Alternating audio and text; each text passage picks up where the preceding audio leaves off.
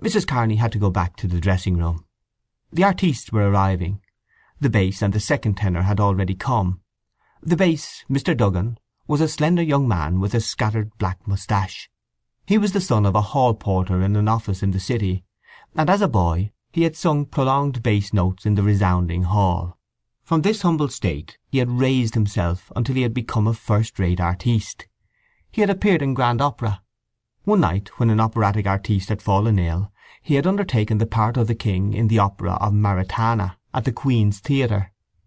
He sang his music with great feeling and volume, and was warmly welcomed by the gallery; but unfortunately he marred the good impression by wiping his nose in his gloved hand once or twice out of thoughtlessness. He was unassuming, and spoke little. He said "Use" so softly that it passed unnoticed, and he never drank anything stronger than milk for his voice's sake. Mr. Bell, the second tenor, was a fair haired little man who competed every year for prizes at the Feis Ceoil. On his fourth trial he had been awarded a bronze medal.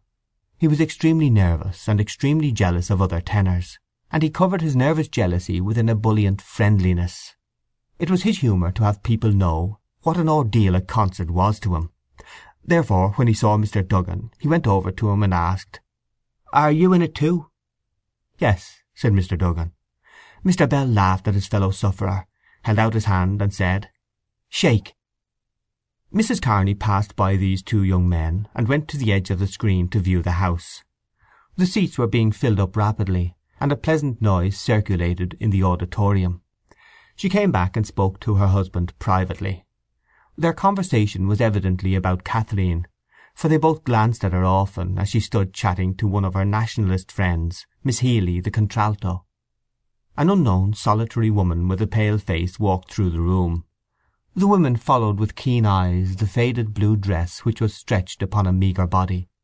Some one said that she was Madam Glynn, the soprano. "I wonder where did they dig her up?" said Kathleen to Miss Healy. "I'm sure I never heard of her." Miss Healy had to smile. Mr. Holohan limped into the dressing room at that moment, and the two young ladies asked him who was the unknown woman. Mr. Holohan said that she was Madam Glynn, from London. Madam Glynn took her stand in a corner of the room, holding a roll of music stiffly before her, and from time to time changing the direction of her startled gaze. The shadow took her faded dress into shelter, but fell revengefully into the little cup behind her collar bone. The noise of the hall became more audible. The first tenor and the baritone arrived together. They were both well dressed, stout, and complacent and they brought a breath of opulence among the company. Mrs. Kearney brought her daughter over to them, and talked to them amiably. She wanted to be on good terms with them, but while she strove to be polite, her eyes followed Mr. Holohan in his limping and devious courses. As soon as she could she excused herself and went out after him. "Mr. Holohan, I want to speak to you for a moment," she said. They went down to a discreet part of the corridor. Mrs. Kearney asked him when was her daughter going to be paid. Uh, Mr. Holohan said that Mr. Fitzpatrick had charge of that. Mrs. Kearney said that she didn't know anything about Mr. Fitzpatrick. Her daughter had signed a contract for eight guineas, and she would have to be paid. Mr. Holohan said that it wasn't his business. "Why isn't it your business?" asked Mrs. Kearney. "Didn't you yourself bring her the contract? Anyway, if it's not your business it's my business, and I mean to see to it." "You'd better speak to Mr. Fitzpatrick," said Mr. Holohan distantly. "I don't know anything about Mr. Fitzpatrick," repeated Mrs. Kearney. "I have a contract, and I intend to see that it is carried out." When she came back to the dressing room her cheeks were slightly suffused. The room was lively. Two men in outdoor dress had taken possession of the fireplace, and were chatting familiarly with Miss Healy and the baritone. They were the Freeman man and Mr. O'Madden Burke. The Freeman man had come in to say that he could not wait for the concert, as he had to report the lecture which an American priest was giving in the Mansion House. He said they were to leave the report for him at the Freeman office, and he would see that it went in. He was a grey-haired man, with a plausible voice and careful manners. He held an extinguished cigar in his hand, and the aroma of cigar smoke floated near him. He had not intended to stay a moment, because concerts and artistes bored him considerably, but he remained leaning against the mantelpiece. Miss Healy stood in front of him, talking and laughing. He was old enough to suspect one reason for her politeness, but young enough in spirit to turn the moment to account. The warmth, fragrance, and colour of her body appealed to his senses. He was pleasantly conscious that the bosom which he saw rise and fall slowly beneath him rose and fell at that moment for him; that the laughter and fragrance and wilful glances were his tribute. When he could stay no longer he took leave of her regretfully. "Mr. O'Madden Burke will write the notice," he explained to Mr. Holohan, "and I'll see it in." "Thank you very much, Mr. Hendrick," said Mr. Holohan. "You'll see it in, I know. Now, won't you have a little something before you go?" "I don't mind," said Mr. Hendrick. The two men went along some tortuous passages, and up a dark staircase, and came to a secluded room where one of the stewards was uncorking bottles for a few gentlemen. One of these gentlemen was Mr. O'Madden Burke, who had found out the room by instinct. He was a suave elderly man who balanced his imposing body, when at rest, upon a large silk umbrella. His magniloquent western name was the moral umbrella upon which he balanced the fine problem of his finances. He was widely respected. While Mr. Holohan was entertaining the Freeman man Mrs. Kearney was speaking so animatedly to her husband that he had to ask her to lower her voice. The conversation of the others in the dressing room had become strained. Mr. Bell, the first item, stood ready with his music, but the accompanist made no sign. Evidently something was wrong. Mr. Kearney looked straight before him, stroking his beard, while Mrs. Kearney spoke into Kathleen's ear with subdued emphasis. From the hall came sounds of encouragement, clapping and stamping of feet. The first tenor and the baritone and Miss Healy stood together, waiting tranquilly, but Mr. Bell's nerves were greatly agitated, because he was afraid the audience would think that he had come late. Mr. Holohan and Mr. O'Madden Burke came into the room. In a moment Mr. Holohan perceived the hush. He went over to Mrs. Kearney, and spoke with her earnestly. While they were speaking the noise in the hall grew louder. Mr. Holohan became very red and excited. He spoke volubly, but Mrs. Kearney said curtly at intervals, "She won't go on. She must get her eight guineas." Mr. Holohan pointed desperately towards the hall where the audience was clapping and stamping. He appealed to Mr. Kearney and to Kathleen, but Mr. Kearney continued to stroke his beard, and Kathleen looked down, moving the point of her new shoe. It was not her fault. Mrs. Kearney repeated, "She won't go on without her money." After a swift struggle of tongues Mr. Holohan hobbled out in haste. The room was silent. When the strain of the silence had become somewhat painful Miss Healy said to the baritone, "Have you seen Mrs. Pat Campbell this week?"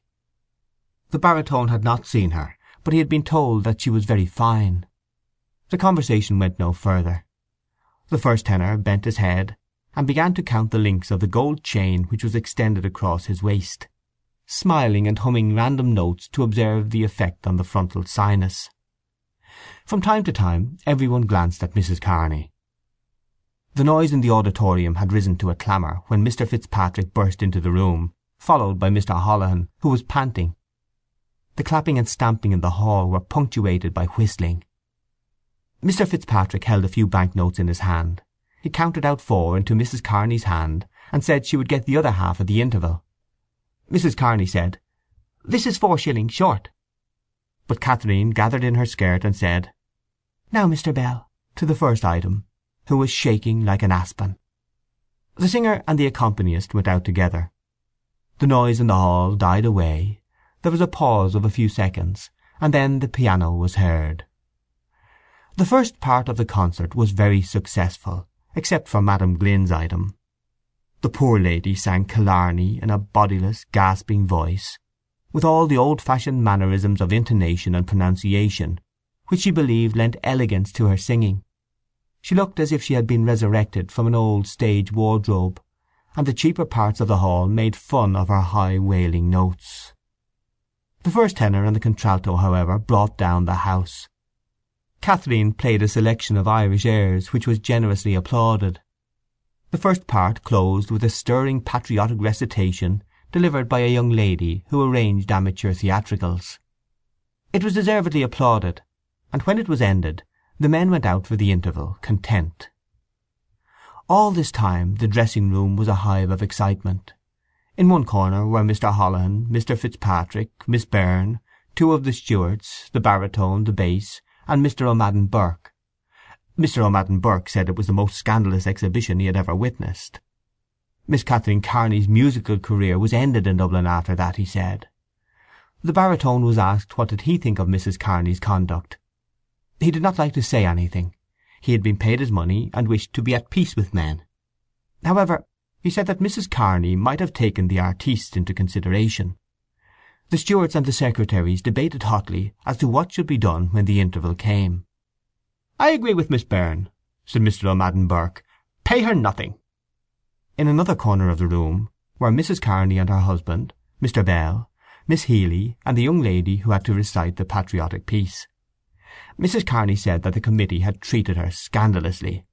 She had spared neither trouble nor expense, and this was how she was repaid.